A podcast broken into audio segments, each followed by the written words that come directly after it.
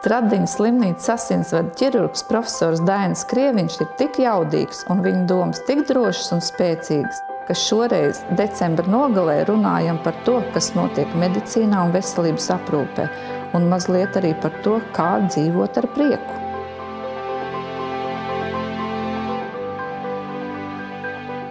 Labdien, Daini! Labdien. Es tā drīkstu uzrunāt, jā? Absolūti. Jā.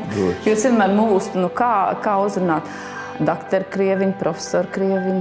Nē, es domāju, ka mēs varam uz arī. Tas Jā? faktiski, jā, jo, jo tāpēc, man ka arī kaut kā man tā. liekas, ka ir vienkāršāk cilvēki, kas jau mēs kādu laiku jau pazīstami. Līdz ar Nu, to tā ir. eh, mēs, mēs varētu to formātu mainīt tādā ziņā drošāk, jo arī vienkāršāk. Un es neesmu tādā ziņā ļoti. Super. Tu ievēroji, cik skaisti te ir šodien Šī tā labākā vieta. aiz loga. Es domāju, ka tas ir izvēle. Šī intervija ir brīnišķīga šajā vietā. Vienalga, tas no Rīgas 80, 90 km, bet tā feelings un, un, un tas skats ir vienkārši brīnišķīgs. Man liekas, ka reti, reti Latvijā ir tādas vietas, kur iederās viesnīca, iederās faktiski tā vieta apkārtējā vidē harmoniski. Un šī ir viena no tām pērlēm Latvijas. Nu, runa ir par Vilsantu. Ir Jā, es nosaucu viņu vārdā Vilsāna. Tā ir viena no mīļākajām vietām. Ja man, ne tāpēc, vien, ka es man ir dzimtā pilsēta, man te vecāki netālu dzīvo, bet uh, gan vēsturiski šī vieta, gan to, ko faktiski Santa ir atjaunojusi un kas pa pērli ir izveidots. Domāju, ka uh, cilvēki to nenovērtē. Un es domāju, ka daudz braukājot pa pasauli, mēs varam novērtēt šīs vietas, nu, to filozofisko, materiālo, emocionālo vērtību, ko viņi iedod. Un visos gadalaikos šodien, liekas, ir brīnišķīgi tas sniegs te apkārt, bet te ir tikpat labi arī, ka līst lietus vai rudens, pavasarī nemaz nerunājot. Ja? Es domāju, ka tas tāds ideāls feelings ar Tas nav reklāma, bet tā ir tiešām. Es no sevis saku, ja man jābrauc uz ceļu, man vecāki saka, kāpēc es nepalieku pie viņa vai brālis pie viņa. Nē, es gribu izbaudīt šo vietu. Kāds tev ir šis gads bijis? Interesants. Tas No. noteikti ir interesants un noteikti nevajag, viņu nevajag bēdāties. Viņš bija savādāks kā varbūt iepriekšējie desmit gadi, kur jau bija zināma rutīna. Zinājām, ko mēs darām janvārī, februārī, martā līdz pat beigām. Un šis gads bija, protams, Covid ēnā. Un, ja mēs paņemam no to, ko visu laiku mums dod presa, televīzija, radio, bet ieslēdzam to apkārtējo vidi, ko mēs varam saskatīt, es domāju, ka mēs Covid laikā daudz ko esam pozitīvi saskatījuši arī. Un ir lietas bijušas, ko mēs esam nepamanījuši tajā ikdienas rutīnā, kad mēs skrienam, kad Covid likts mums piebremzēt. Nu, nezinu, tām mājas sēdēm, kas mums bija. Nu, tev ir jāsēž mājās. Paldies Dievam, eh, ka nebija jāsēž kaut kādā dzīvoklī, kur tiešām varēja nogalināt viens otru. Bet tev ir, tu vari atļauties sēdēt kaut kur laukos, pie jūras un varbūt bišķi padomāt. Un var jau būt, ka var tos iepriekšējos desmit gados, ko mēs esam skrējuši, nu, vajadzēja bišķi nobremzēt, padomāt, kaut ko pārvērtēt. Nu, kaut ko interesantu atrast. Un es domāju, ka man noteikti viņš bijis pozitīvs, un, un, bet tagad gan pietiek. Tas relaks vai tā savādākā filozofija bijusi, ir vajadzīgs tad atgriezties atkal. To ir, mēs esam gatavi tai mašinērijai atkal viņu audzēt, atkal veikt brīnumu darbus, atkal darīt kaut ko vairāk. Bet, lai gan mēs esam daudz tādas brīnumu lietas paveikuši arī šogad uz tā mierīgā fona. Jā, es lasīju par to unikālu operāciju, kur uh, Stradiņa sadarbojās ar Austrumu slimnīcu, ar onkoloģijas centru. Es domāju, ka mums ir šogad bijušas vairākas unikālas operācijas. Un es domāju, ka viena unikāla operācija mums bija asinsvadu ķirurģijā, kur mēs pirmo reizi faktiski Latvijas pastāvēšanas vēsturē veicām pilnu aortas loka rekonstrukciju.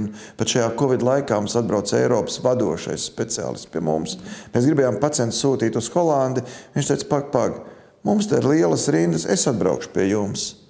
Un, uh, es esmu lepns, ka strādājot asinsvadu ķirurgu to spēju paveikt. Un uh, jaunietim 20 plus gadi vismaz dzīve ir patreiz stabila. Un tieši tāds pats veiksmes stāsts ir tavs pieminētais sadarbības starp Austrumu universitātes slimnīcu un, un Stradiņiem, jeb Rietumu universitātes slimnīcu, kā es smējos. Nu, nu, kā, nu, ja Nosaukums. viena ir Austruma, tad mēs esam Rietumi. Nu, Jā. vajag jau kā pakariģēt tos kaimiņus. Brīnišķīga sadarbība pat konkurences apstākļos un, un, un kā jau tie mediķi personības, bet lielisks komandas darbs. Es gribēju šodien parunāt nu, par tādām citām nopietnākām lietām, vispār par medicīnu, par veselības aprūpi. Kuras ir tās vājās vietas, tavuprāt? Man liekas, ka Covid ir līdzīgi kā visi lielie globālie notikumi. Pirmais pasaules karš, otrais pasaules karš, spāņu gripa, vienalga citas globālas pandēmijas. Un es domāju, ka Covid būs lieta, ko filozofi, vēsturnieki, mediķi gadu desmitiem pētīs. Te būs virkni disertācijām un pētniecībai vieta lai atbildētu uz visiem jautājumiem, kādas ir bijušas kļūdas, kas ir bijis slikti, kāpēc ir rezultāti tādi, kā ir. Bet ko gan parādīja viens eh, Covid apstākļos, ka mēs varbūt neesam īsti gatavi krīzes apstākļiem. Lai- Kas ir mēs? Mēs kā valsts, es domāju, jo var jau pumpēt naudu iekšā un iedot naudu tam, tam lai izlāpītu caurumus, bet varbūt mēs tā īsti nebijām gatavi tādai globālai krīzē, ja valstī kaut kas notiek. Otra lieta ir nu, veselības aprūpe, ir finansiāli badināta kopš atjaunotās Latvijas pirmsākumiem. Jo līdz pat droši vien vēl pēdējiem nu, septiņiem, astoņiem gadiem veselības aprūpe nekad nebija prioritāte. Mums bija aizsardzība, darbs, drošība, mums bija virkni prioritātes. Bet mūsu prioritāte nekad nebija veselības aizsardzība. Nu, pretēji vēl vienai nabadzīgai vars- valstī, piemēram, Portugālei, kas arī ir tikpat nabadzīga kā Latvija, kas pateica pirms iestāšanās Eiropas Savienībā, re, ka mums ir divas prioritātes. Tie ir medicīna un skolotāji. Mēs viņiem iedodam finansējumu tādu kā normāli Eiropā, nu pārējiem, diemžēl, nav. Bet mēs gribējām knapināties pa visiem. Reku, nu, mediķiem arī nedodam, iedodam tikai bišķīt, skolotājiem iedodam bišķīt, jo mums tagad vēl ir bibliotekārs, mums vēl ir ugunsdzēsēji, vēl ir citi. Un tas ir saprotami. Man viss cieņa par visām šīm profesijām. Bet, nu, acīm redzot, ir jāpaskatās, kas ir tādas bāzes profesijas, uz kurām nu, balstās visa tā sabiedrība. Un šī brīdī, badinot tos gadus un, un nedodot normālu finansējumu veselības aprūpei, skaidrs, ka pēdējos pāris gados, pat iedodot 10, 20% vairāk, nevar atrisināt šīs lietas. Un tāpēc varbūt es esmu priecīgs par to budžetu, ko iedod nākamam gadam, gan algām, gan citām lietām. Bet te ir abām pusēm taisnība. No vienas puses, tā nauda jau nav vairāk daudz ko iedot, jo vajag citām sfērām. Bet no otras puses, nu, man liekas, kā mediķiem jāsaprot, nu, ir jau arī iedots. Un vai vajag vēl? Vajag vēl. Covid parādīja, cik lielā bedrē mēs esam. Mums nav vietas reanimācijās, intensīvās terapijās, cilvēki mirst. Mūsu ārstniecības iestādēm nav liekas kapacitātes, lai pēkšņi paņemtu tos slimniekus. Un tas jau nav tikai par aparatūru. Aparatūru pat mēs varam nopirkt, bet nav jau šo mediķu. Mediķi jau šobrīd strādā divās, trīs, četrās, piecās darbvietās. Tad uz Covid laiku viņiem bija jāsadalās vienā darbvietā. Atkal mums ir bēdere. Es neesmu vienā politiskā partijā un negribu nemaz būt, un nekad arī nebūšu. Un es nelabēju nevienu, bet mēs jau varam pārmest, viņa ir slikta, Pauļuts ir slikts. Nu, tad parādiet, kur ir tie labie. Un tāpēc es domāju, ka lai kurš būtu šajā pozīcijā, veselības ministra, visi būs slikti. Jo nav jau šī ideālā risinājuma, kur mēs rītdien varam atrisināt. Tāpēc droši vien, ka ja mēs visi kopā palīdzētu un darbotos, būtu būt, būt daudz labāk. Un šeit jau ne tikai par mediķiem ir runa, šeit jau ir runa arī Cilvēkiem. par pašiem cilvēkiem. Un ko Covid parādīja, kad tie mediķi, manuprāt, ir pietiekoši profesionāli, bet mēs kā cilvēki neesam paši gatavi. Mēs neesam īsti gatavi krīzēm, un mēs neesam gatavi paši domāt par medicīnu. Jūs, žurnālisti, ļoti labi, Ievas veselība mēģina audzināt cilvēkus, informēt cilvēkus. Informēt, es gribu teikt. Nē, nē, nē, arī audzināt. Es domāju, arī audzināt, Jā. jo visa šī zināšanu iegūšana Kad tu dabū informāciju, ir tava audzināšana arī, kā tev ir jārīkojas. Ar informāciju mēs ko informāciju paņemam, palaidām ausīm garām, bet jūs arī audzināt šos cilvēkus. Viņš izlasa vienreiz, otrreiz, un viņš jau klausās tajā, ko jūs sakat. Un tiešām lasa. Man ir uh, viena no tām pēdējām intervijām priecēja, ka pēc tās pacienti nāk, cilvēki nāk, viņi ir iedevuši to žurnālu, jau ne pašiem kaimiņiem izlasījuši, ir šī atdeve. Un tā ir audzināšanas lieta. Jo Jā, es pārtraucu, bet tas bija raksts par uh, covid un trombiem, kas uh, visus ļoti interesē. Bet šajā sakarā es domāju, arī, nu, arī uh, mēs varam taupīt naudu. Pasak, lūdzu, cik maksā intensīvā terapija covid pacientam dienā? Nu, kārtīgi intensīvās terapijas reanimācija maksā vismaz 1000 eiro. Ja mēs ejam pa to ekonomiku, skatāmies, jā, tas ir 1000 eiro dienā kardiointensīvā terapija vai augsta līmeņa intensīvā terapija. Bet otrs izmaksas jau ir to, cik ilgi tas pacients tur atrodas. Jo, jā. jo normāli, ja pacientam izoperē sirdi, viņu izglābj, viņš reanimācijā atrodas vienu dienu. Nu, būs sarežģītāka situācija divas dienas. Bet šis Covid pacients tur atrodas divas nedēļas, trīs nedēļas. Mums arī bija viens jaunietis, kuru glābām vairāk kā divas nedēļas. Viņš divas nedēļas aizņēma intensīvās terapijas kardioreanimācijas vietu. Tas nozīmē, ka šajās divās nedēļās nevarēja tajā vietā izoperēt desmit pacientus ar sirdi. Tas nozīmē, ka no tiem desmit pacientiem ar sirdi nu, droši vien kā trīs nomira. Šis ir milzīgais zaudējums, kurš vēl vairāk ir jārēķina finansiāli, ne tikai tā fiziskā vieta, kas tur ir. Nu jā, un tagad cilvēki, kuri nevēlas vakcinēties, viņi piesauc cilvēku tiesības, tad man gribās teikt, arī man ir manas tiesības, un man ir tiesības būt mierīgai par to, ka mani radinieki nokļūs slimnīcā, ka viņus izoperēs, ka tas būs nepieciešams, jo es maksāju nodokļus gal galā. Jā, tas filozofiski ļoti labs jautājums. Un te ir, es panalizēju, kāpēc mēs esam tādā veidā diezgan jocīgā situācijā. Ne tikai Latvija, arī Igaunija, Lietuva, citas austrumu Eiropas, varbūt centrāla Eiropas valsts, kas ir ar tādu postsovietisku piesitienu. Un, man liekas, ir daži vairāk faktori. Viens faktors tas, ka mēs esam liela daļa tāda pēcpadomu produkti, kur mēs esam pieraduši, ka neviens neprasa mūsu domas. Nu, atceramies, kāda bija medicīna padomu laikos. Mēs esam dabūjuši lielākā tiesa no mums bērnībā potes un vakcīnas. Neviens mums neprasīja, mēs kaut ko gribam. Nē, skolā vai bērngārzā pie māsīņas marš vakcinēties. Tev nebija nekāda viedokļa. No otras puses, mēs esam pēkšņi apējot kaut kādu normālu dzīves ciklu, kā bija citās attīstītās valstīs, ielikuši kapitālismā, kur ir pilnīgs liberālisms. Mēs kā ir cilvēktiesības, ko mēs gribam, to mēs domājam. Un no vienas puses mēs nemākam domāt saprātīgi, bet mēs, protams, domāt. Un līdz ar to man liekas, no tāda cilvēktiesības un izvēle mēs esam pārgājuši tādā anarhijā. Grūti ir pierādīt eh, man tantei, mazirvē 95 gadīgai zinātniski, kāpēc viņai ir jāvakcinējas. Nu, nebūtu viņai zinātniski jāpierāda. Viņai ir jāpasaka, ir jāvakcinējas.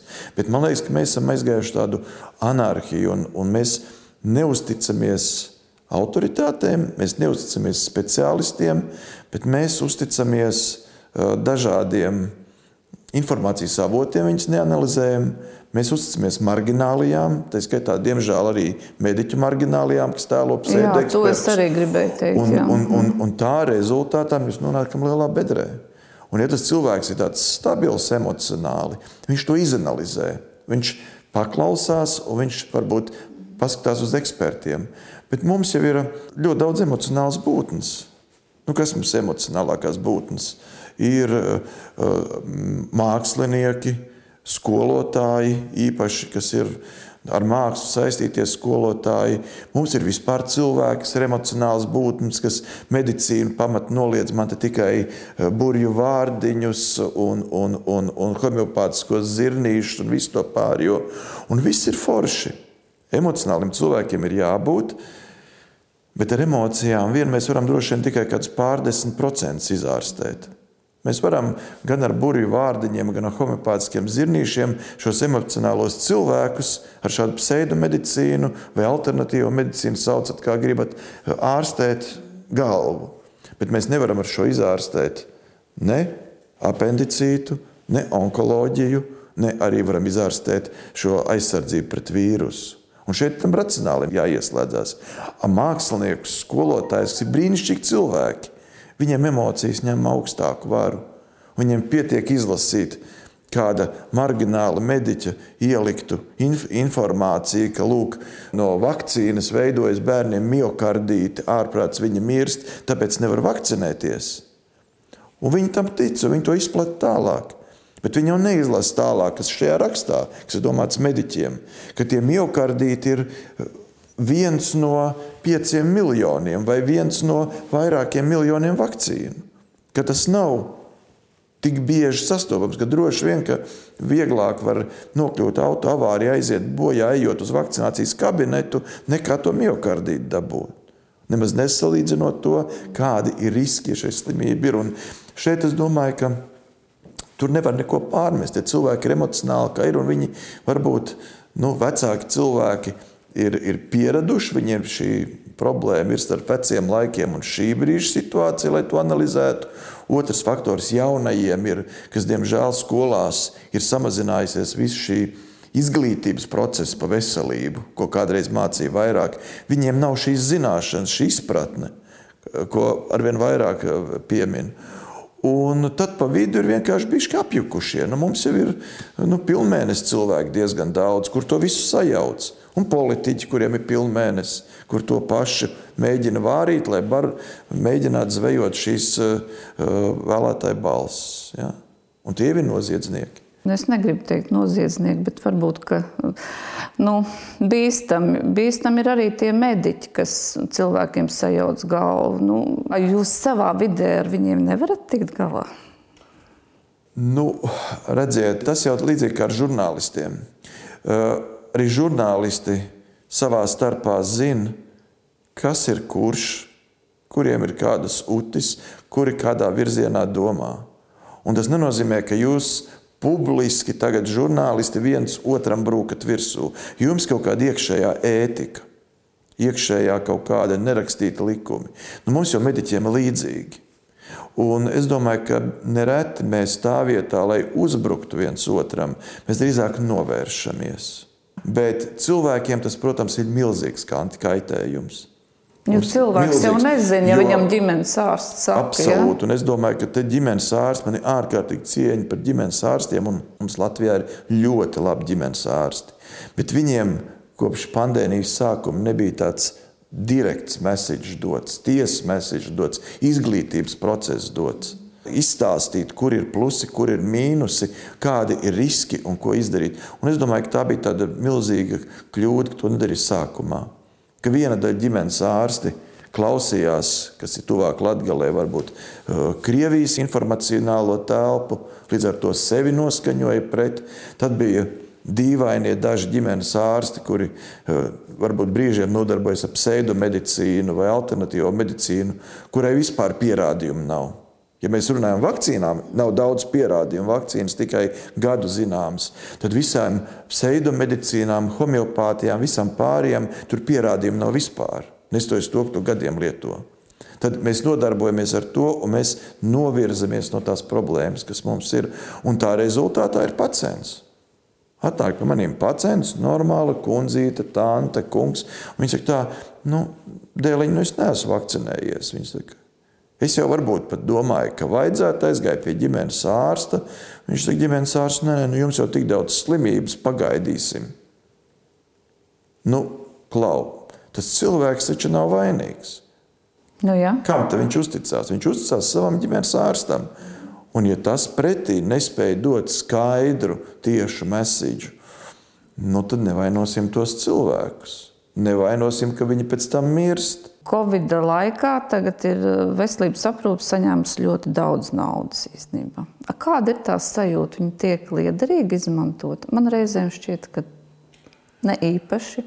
Tas ir droši vien dažādu spekulāciju un interpretācijas rezultāts. Kā mēs to paņemam? Jo uh, nenoliekšu, ka Covid ir radījis iespēju piesaistīt negaidīti daudz finansējumu medicīnai, ko gadu desmitiem nevarēja piesaistīt. Nu, tad ir jautājums, ka ja šī iespēja ir, kā mēs viņu izmantosim racionāli. Un vai tas pārmetums, ko es dzirdēju, to pārmetumu, ir tik tie desmitiem, uh, simtiem miljonu piesaistīti un ārprāts, ārprāts, nav nopirktas gultas, ventilācijas aparāti, bet uh, Stradiņas slimnīcā tik miljoni, Austrums slimnīcā tik desmitiem miljoni ieguldīti infrastruktūrā. Nu, tad paskatīsimies plašāk. Tad varbūt mēs piegādājam to, ko varam ieguldam šodienai, bet domājam arī par rītdienu. Jo Covid jau nebeigsies ar janvāri, būs citas kaitas, būs citas problēmas. Un, ja mēs šobrīd varam ar to finansējumu uzlabot būtiski to nākotnes medicīnu, man tas ir svarīgāk par to, atvainojiet par manu ķirurģisko cinismu, par tiem pāris desmit, kas nomirst šodien. Mēs daudz, daudz vairāk, simtus tūkstoši izglābsim pēc tam. Un neviens nav uzbūvējis uh, privātos helikopteru laukumus, neviens par šo naudu nav ieguldījis, neviens nav dzirdējis neliederīgi ieguldīts. Jā, es te nesen runāju ar Rīgas otrās slimnīcas vadītāju, kurš teica, ka viņam arī kā traumas slimnīcai bija covid pacients tagad liks. Bet viņš saka, kamēr mums tos covid pacientus ieliks, tikmēr mums to skābekli, kas nebija, ievilks. Un te jau to pacientu nebūs.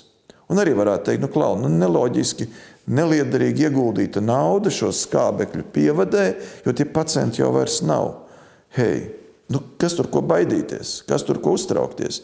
Beigsies Covid, stoties te uz priekšu, visiem pacientiem būs skābeklis.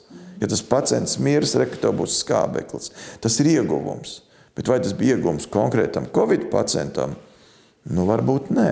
Man liekas, ka ļoti svarīgi ir arī veikt operācijas tāda tipa, kuras ir vērstas uz nākotni, nu, izlabot tagad, un nebūs problēmas pēc tam. Kardiologi malači. Jā. Un, ja mēs paskatāmies to, ko viņi ir izdarījuši, viņi ir reāli Eiropas, pasaules līmeņa profesionāļi, un viņi maksimāli cenšas to darīt ne tikai Rīgā, bet aptvert visu valstu kopumā.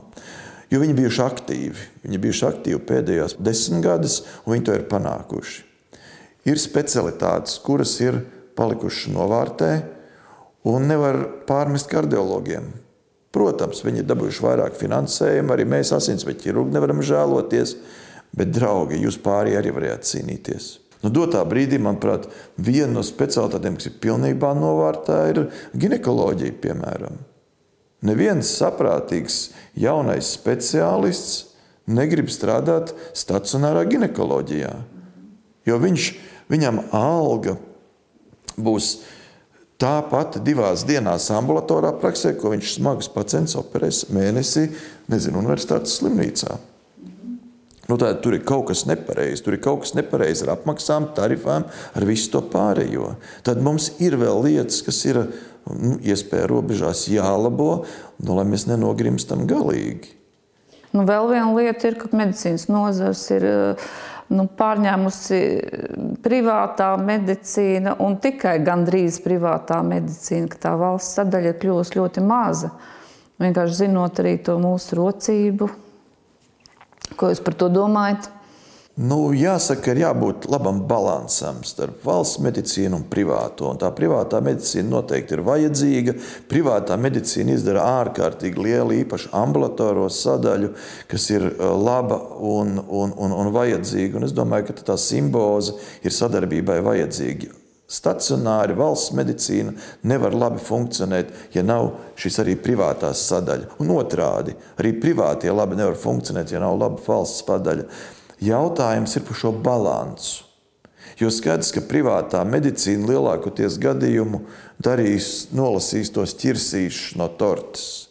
Jo skaidrs, ka privātais darīs to, kas viņam ir, kā angļuiski saka, cost-effektīvi, finansiāli izdevīgi. Un ļoti maz mums ir tādas ārstniecības iestādes, kas atbalsta attīsta arī tās sadaļas, kas netika finansiāli izdevīgas. Es nezinu, es varētu no lielām apvienībām minēt tikai vienu, un neminēšu, lai nav konkrēti atkal uh, sarunā viens vai otrs lobēts. Ja? Bet lielākoties viņi izlasa. Un šī brīdī nu, ir šī dažādība. Ir šī dažādība, jo viņi jau privāti paņem labos speciālistus, kas labi strādā, ko mēs esam sagatavojuši universitātes slimnīcās. Un, un, un darbojas, bet viņi ir vajadzīgi. Un, ne, par to neiet runa, ka nav bet, vajadzīgi, jā. bet vienkārši ir kaut kādas nozares. Ja? Nu, tāpat nu, ginekoloģija man liekas, ir ļoti riskanta lieta jau, ka ir. Vairums ir aizgājuši strādāt privāti praksēs, ja no nu, zobārstniecība vispār, nu, vēja problēmas. Taisnība, arī vēja problēmas ir aizgājušas. Nu, tas viss ir sasaistīts ar tās apmaksas sistēmu. Ja tā apmaksas sistēma valsts institūcijās būtu saprātīga, tad liela daļa paliktu valsts institūcijās. Bet tā kā tā ir pilnīgi ne, ne, ne, nenofinansēta adekvāti valsts sistēmā, tad arī speciālisti nevēlas to darīt valsts sistēmā. Un tajā brīdī skaidrs, ka privātiem ir iespēja un pacienti Nu, viņi var atļauties, viņi var atļauties stomatoloģiju vairāk, mazāk. Ne visi, bet tomēr viņi var atļauties. Viņi var atļauties fleboloģiju, viņi var atļauties ginekoloģiju, bet lielās sadaļas, kas tiešām ir dārgas un, un, un finanses ietilpīgas, jau normāls cilvēks nevar atļauties. Nu, tagad jau arī muguras uh, operē privāti. Nu, visu, nu, mēs vienkārši pamazām pieradinām visus cilvēkus. Nu, ka tev īstenībā par medicīnas pakalpojumiem ir jāmaksā. Un tā sadaļa, ko Latvijas cilvēks maksā, es varētu kļūdīties, bet man liekas, ka bija ļoti liela pār 50%. Mēs daudz maksājam, daudz par daudz maksājam. Jā. Un te nu ir tas nu, vairāk, divi faktori. Viens, ka mums tas budžets ir pa maz, ko mēs atvēlam naudu medicīnai, daudz pa maz. No otras puses, daudz iedzīvotāji maksā no savas kabatas. Jo viens jau ir, ko, ko tu saki par to operācijām, bet mēs par medikamentiem ļoti daudz maksājam. Kas ir šausmīgi dārga sadaļa. Un, acīm redzot, nu, ir jābūt kaut kādai pārdalēji uz medicīnas finansējumu. Arī mums, kā cilvēkiem, ir jāsaprot, ka mums ir vairāk jāmaksā par medicīnu. Jo mums liekas, ka mēs maksājam minimālo algu, Un tagad no tās minimālās algas, kad kapēka aiziet medicīnā, un tam pietiek.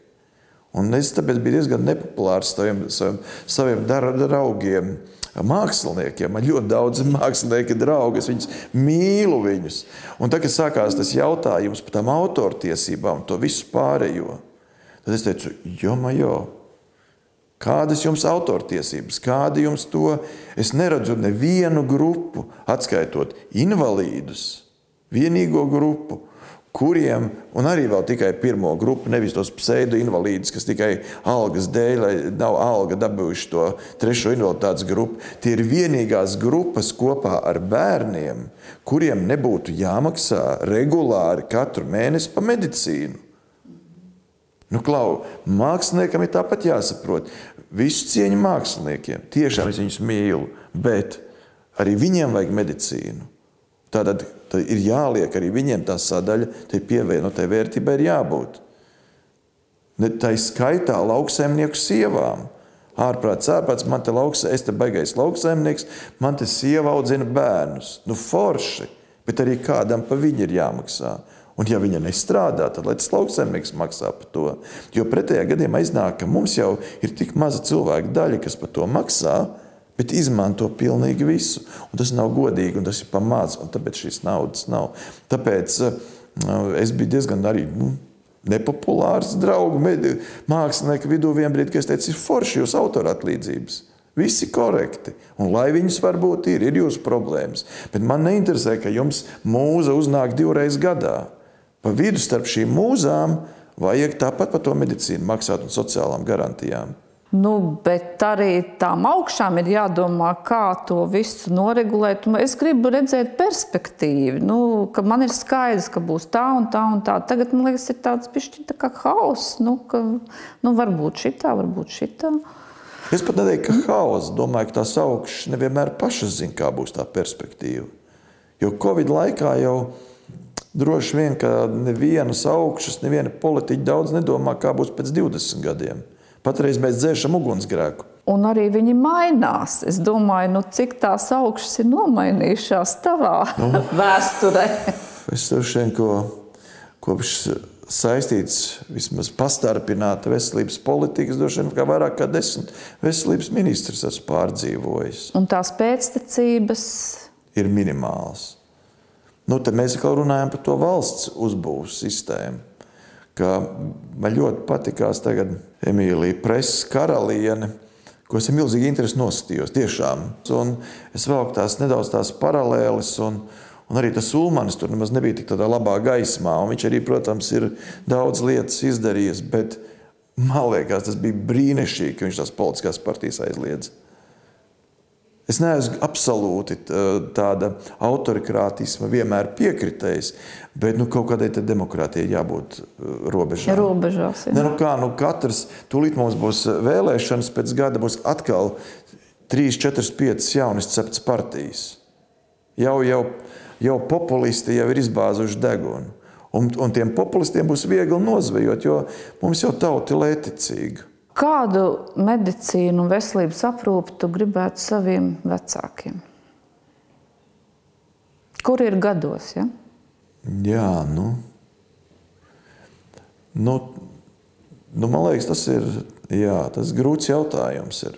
Man liekas, ka vecākiem cilvēkiem pirmais jautājums, kas sāp lielākajai daļai, ir veselības aprūpas pieejamība. Un to mēs īpaši patreiz izjūtām Covid laikā. Jo atrast superspeciālistu, gudrāko ar mūsdienu metodēm, kas ārstē, mēs varam nu, gandrīz visās specialitātēs Latvijā. Bet pieejamību, lai šis pacients tiktu pie pareizā speciālista ārstēts un lai saņemtu palīdzību, ir ārkārtīgi grūti. Un Covid laikā es esmu saskāries ar ļoti daudzām situācijām, kad faktiski pacients netiek pie ģimenes ārsta. Jā, mums ir labi ģimenes ārsti, kas strādā paši, bet viņi ir pārslogoti. Viņiem ir tik daudz pacienti, kas Covid laikā droši vien parāda, ka viņam ir par daudz pacientu, jo nav, viņam nav pieeja. Normāli pacients netiek klāt. Man ir bijuši pat eh, draugu radi, kuri nevar piezvanīt ģimenes ārstam, jo ir kaut kāds maksas telefons, ko ir ieviesis attiecīga apvienība. Caur to arī nevar piezvanīt. Nemaz nerunājot to, ka ģimenes ārsts varētu apvaicāties, kā tas slimais vecais cilvēks, kas desmit gadus ir daudzām slimībām, kā viņš jūtas. Viņam nav šī pieejamība. Jā, cits aiziet par lielu naudu, kas ir objektīvi jāmaksā pie speciālista. Bet viņš nereti aiziet pie nepareizā speciālista. Viņš nav aizgājis pie pareizā. Viņam liekas, ka tur ir jāaiziet. Nu, var sakot, ģimenes ārsti ir arī pārstrādājušies. Viņiem domāju, nav laika. Ka padomāt par tiem saviem cilvēkiem, nav laika palasīt, nav laika painteresēties. Nu, Viņi vienkārši ir. Nu... Tas ir objektīvi. Tāpēc es ļoti cienu tos ģimenes ārstus, kas strādā, bet lielākā daļa no viņiem ir pārslodzē. Un viņiem nav pietiekoši atbalsta personāls, kur viņi runāja par to otro māsu, kas viņiem ir vajadzīga. Nu, viņi jau to nerunāja uz laba prāta. Acīm redzot, viņiem to vajadzēja visu laiku. Un dotā brīdī nu, tā situācija parāda, ka šī liekā kapacitāte nav stiprinātu šo posteni? Es noteikti stiprinātu visas posteņus. Noteikti stiprinātu gan ģimenes ārstu šī institūcija ar to papildus māsu, kas viņiem ir vajadzīgi, ļautu maksimāli jauniem ģimenes ārstiem ienākt speciāli, eh, sfērā, lai nu, vecie ģimenes ārsti varētu godprātīgi doties pensijā un nodarboties ar, ar, ar atpūtu, dot jauniem vietu un stiprināt arī slimnīcas. Nu, ko tu gribētu no pacientiem? Jo mēs taču īstenībā varam daudz darīt, lai mēs ietaupītu savu naudu, laiku, asaras. pacientiem es gribētu, lai viņi nu, droši vien lai viņi paliktu gudrāki un lai viņi mazāk uzticētos eh, nejaušām eh, sociālo tīklu izpausmēm un eh, izpau, mazāk nodarboties ar pagānismu Mēs esam pagānu tauta, pareizi. Mums ir Ziemassvētki, Jāņi, Mārtiņa dienas. Nu, Ritīgi pagānu tauta mēs esam, un tas ir forši. Bet, nu, klau, nu, tad tā piesardzīgi. Nu, mēs arī bērnībā ticējām visu Ziemassvētku vecītim. Nu, bija forši. Bet nu, kaut kādā vecuma robežā mēs no tā izaugām. Mēs zinām, pietiek. Nu, Ziemassvētku ir forši, labi viņu redzēt. Nu, mēs saprotam, ka tas ir nu, tomēr mūsu emocijas, un tas nav tas, ko mēs bērnībā domājam. Bet kaut kādā brīdī no tām citām sfērām mēs negribam iziet ārā. Mēs joprojām tam pagānismam ticam.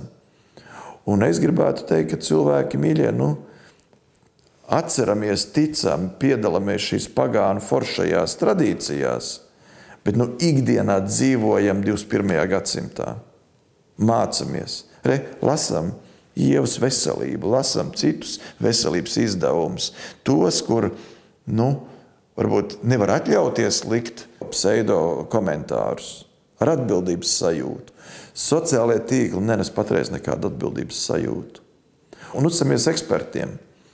Ja es runāju par vakcināciju, kas ir aktuāla, es uzticos eh, nezinu, profesoram Dumpim, eh, profesorai Zavatskai. Mums ir virkne, var nosaukt, kas ir epidemiologi, infektologi. Es viņiem uzticos. Bet veselība arī uztur prieks un, un, un prasme priecāties. Jā, man, man īstenībā ļoti patīk, kad pēdējā mūsu sarunā teica, ka Latvijā ir tik daudz iespēju, kur gūt baudu un prieku. Un kur tu viņus atrod? Jo īstenībā man liekas, ka tu esi tāds priecīgs cilvēks. Nu, jā, jā, jā, tev patīk daudz strādāt un, un labi atpūsties. Es teikšu, tā, ja? tā ir. Uh, domāju, ka, tas, ka arī to mēs varētu mācīties. Ka varbūt nu, katrs cilvēks noliek sev mērķi, nu, ka mēs piedzimstam parasti, mūs iemet tādā kā upē Un, nu, nezinu, mēs esam rekucēsīs, tā varētu teikt, mūs iemet Valmierā, mēs pa to gauju varam braukt. Un mēs varam uzkāpt uz plosta un mierīgi plostot no Valmieras uz Cēsīm, tālāk uz Siguldu. Bet mēs varam iekāpt nevis plostā, bet tā ir laiviņā un airēties no viena krasta uz otru, no viena uz otru. Man liekas, ka cilvēkiem līdzīgi.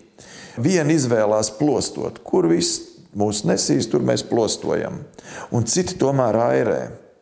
Un, un daudz ko vairāk izbauda, daudz ko vairāk redz. Un kur mēs Latvijā forši varam, mēs varam forši airēt. Un mēs varam izvēlēties Zviedru pensionāru variantu, ka nu, tagad ir pienākusi pensija, mēs braukājam pa pasauli, atpūšamies, izbaudām dzīvi. Bet mēs varam to dzīvi izbaudīt šodien. Neatkarīgi no tā, vai tev ir 18 gadi, 25 gadi, 32, 50 vai 70. Izbaudam dzīvi. Atpūšamies. Latvija ir brīnišķīga vieta, ko apceļot, ko apskatīties, pa kultūras dzīvi nerunājot. Tik pieejama kultūra, kā ir Latvijā, un arī lēti pieejama kultūra faktiski. Gan drīz nav nekur Eiropā.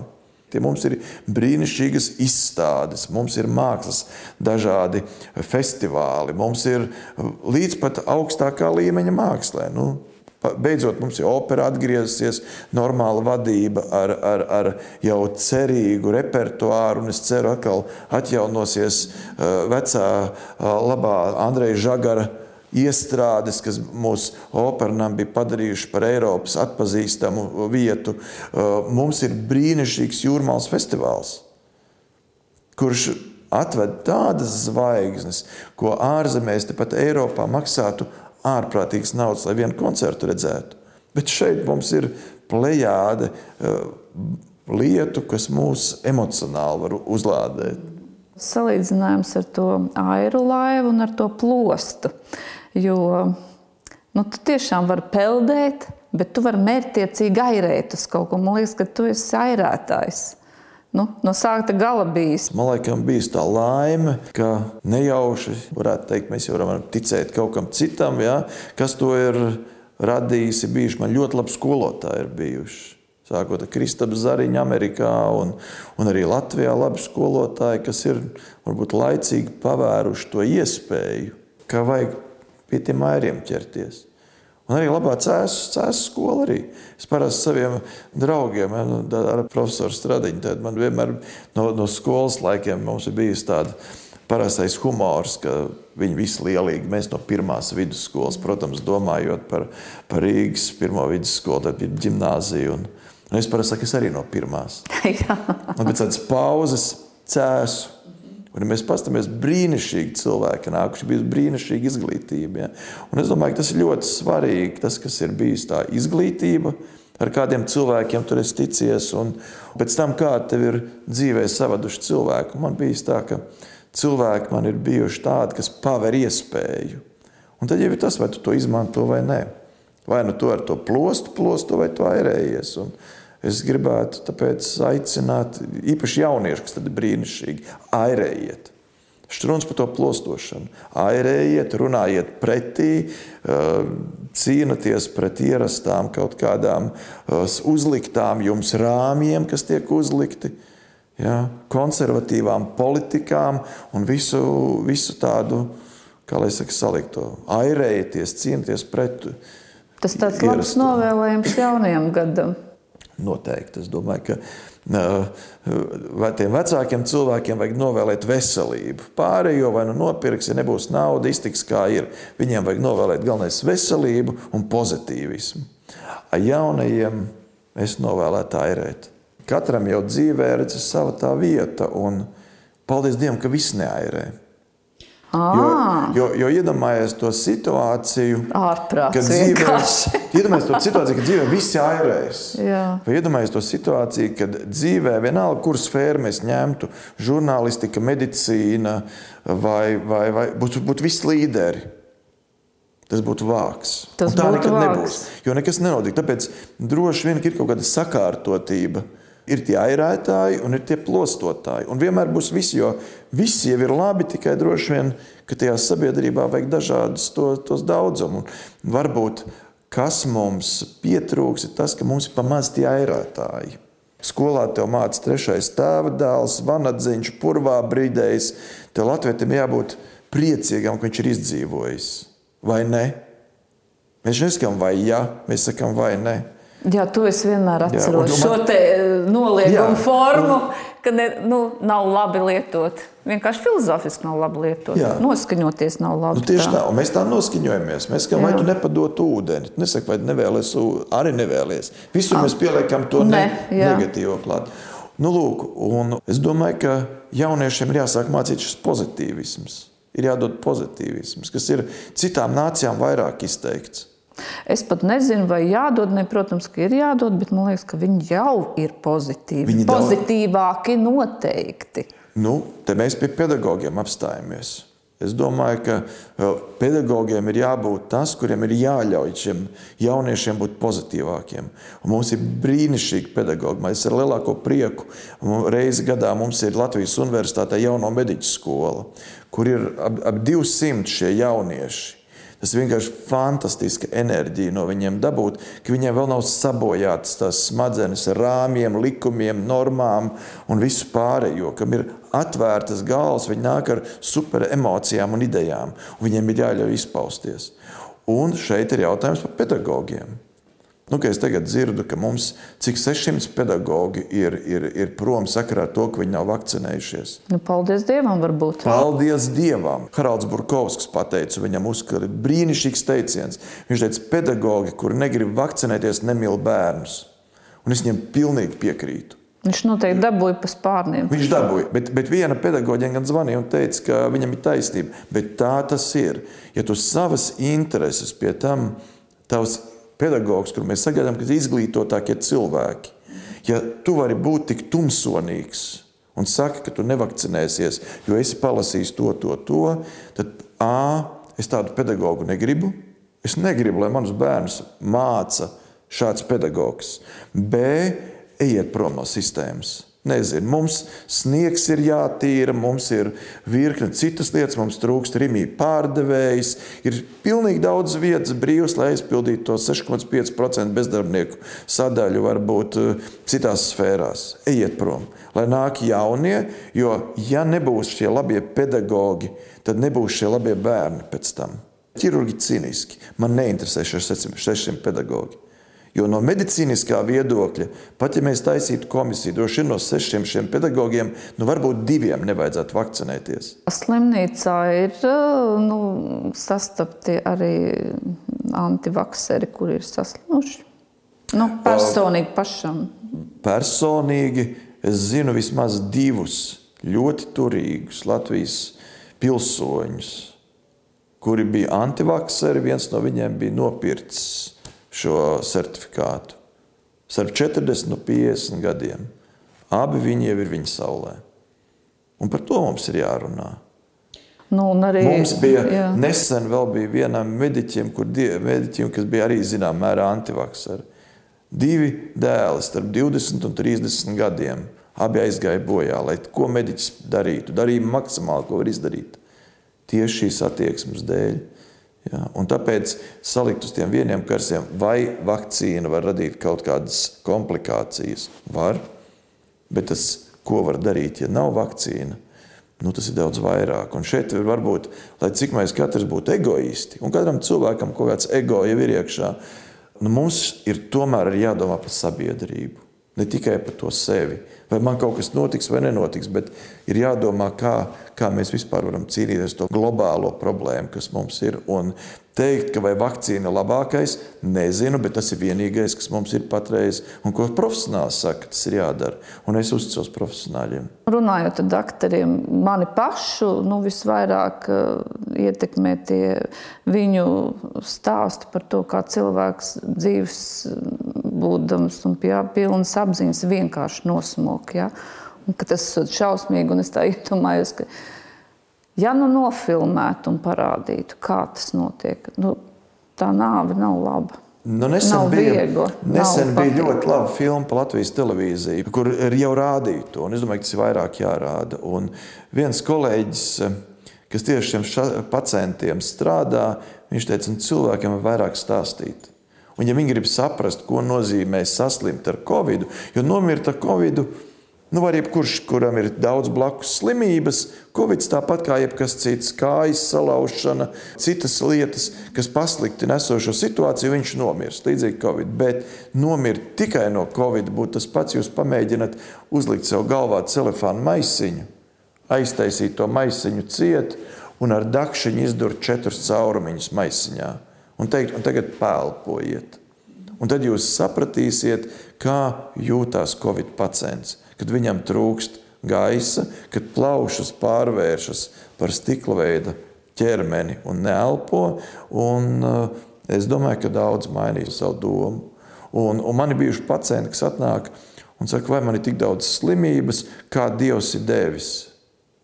Un tad es tā mēģinu atbildēt. Es saku, nu tad jūs saprotat, valsts ir iztērējusi par jūsu piecām iepriekšējām sirds operācijām 50 tūkstošus eiro. Šodien jūs atnākat, jums vajag nākošo operāciju, tagad asinsvadiem operēt, un jūs vakcināciju sakat, kā Dievs ir devis. Nu, tad sēžat mājās, un arī par tām pārējām slimībām sakiet, kā Dievs ir devis. Viens krievu blogeris bija ielicis ļoti labu tādu tiešām foršs tas, tas, tas blogs bija. Un bija ļoti labi, viņš bija pateicis, ka nu, paskatāmies pagājušo gadsimtu. Cilvēki dzīvoja mežā, ēda bioloģisku pārtiku, bez ēvielām, bez ķīmijām. Tiešām laba pārtika ēda. Viņiem nebija nekādas vakcīnas, viņiem nebija mobilie telefoni, kas rada kaut kādas, viņiem nebija 5G, viņiem Bills Gates nekādus čipus nečipēja. Nu, labi, un viņi dzīvoja līdz 30 gadiem. Viņa vienīgais uzdevums bija vairoties, uztaisīt pēcnācējus un nomirt. Un šobrīd, mums ir pieejamas vakcīnas, kuru dēļ mēs faktiski dzīvojam daudz ilgāk, mums ir pieejama evidence-based medicīna, kad mēs dzīvojam daudz ilgāk, mēs to sākam apšaubīt.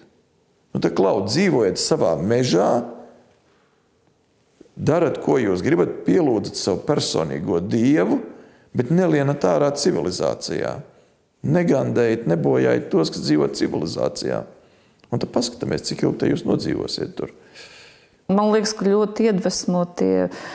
Nu, s- es pat nevaru viņus nosaukt par senioriem. Nu, cilvēki, kuriem pasē rakstīts kaut kāds gadu skaitlis, ja, un tev ir nojausma, ka viņam ir daudz gadu, bet viņi ir tik jauneklīgi. Un īstenībā, tā, tu, tu viņus redzi un ar viņiem runā, ja, tad, nu, tad tā Man te ir viens labs piemērs. Man bija pāris mēneši atpakaļ vienu diezgan nopietnu operāciju. Bija viens 80 gadīgs kungs.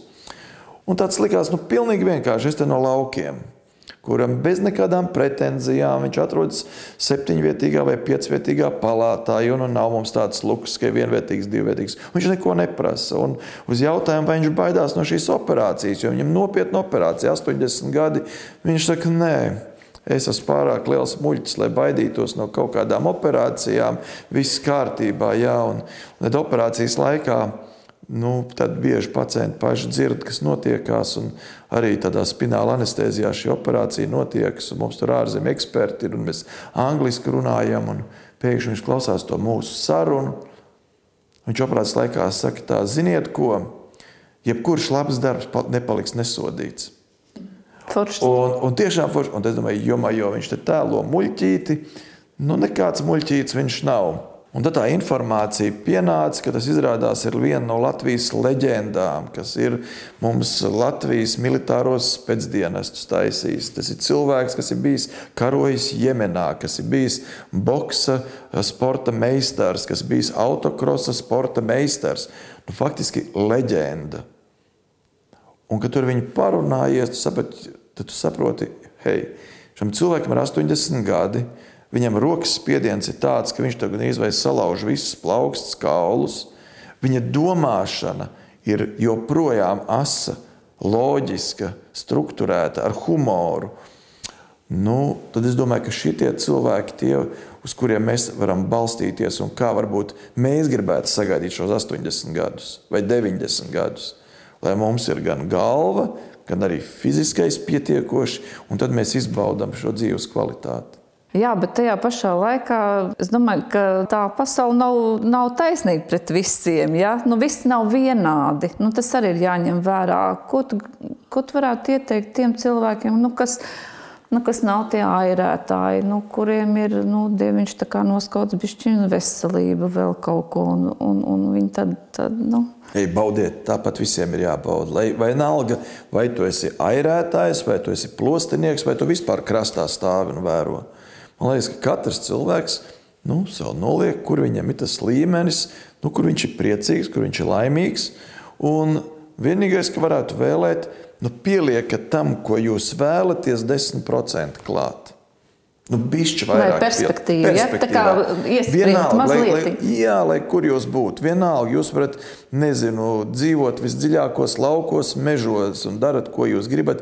Nu, izdomājiet 2022. gadā, kas būs tie 10%, ko jūs pie tās savas prieka, laimes un pozitīvām enerģijām gribat pielikt klāt. Bišķi.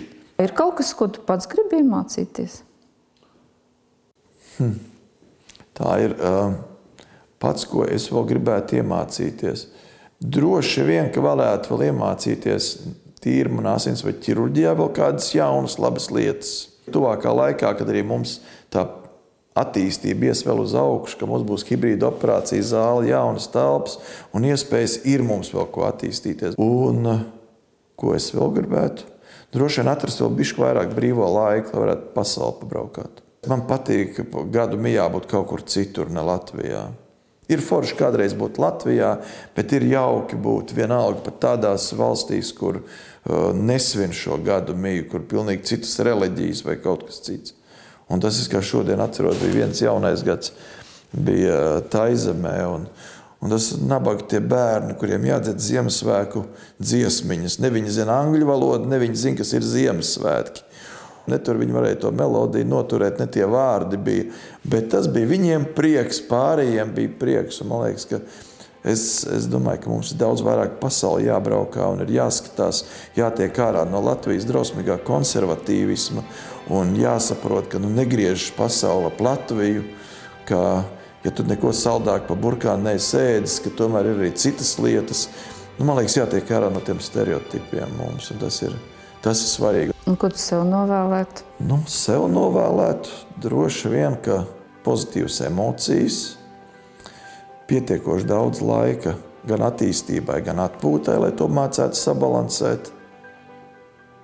Un droši vien, lai būtu apkārt tikpat daudz labu cilvēku, kā man šodien.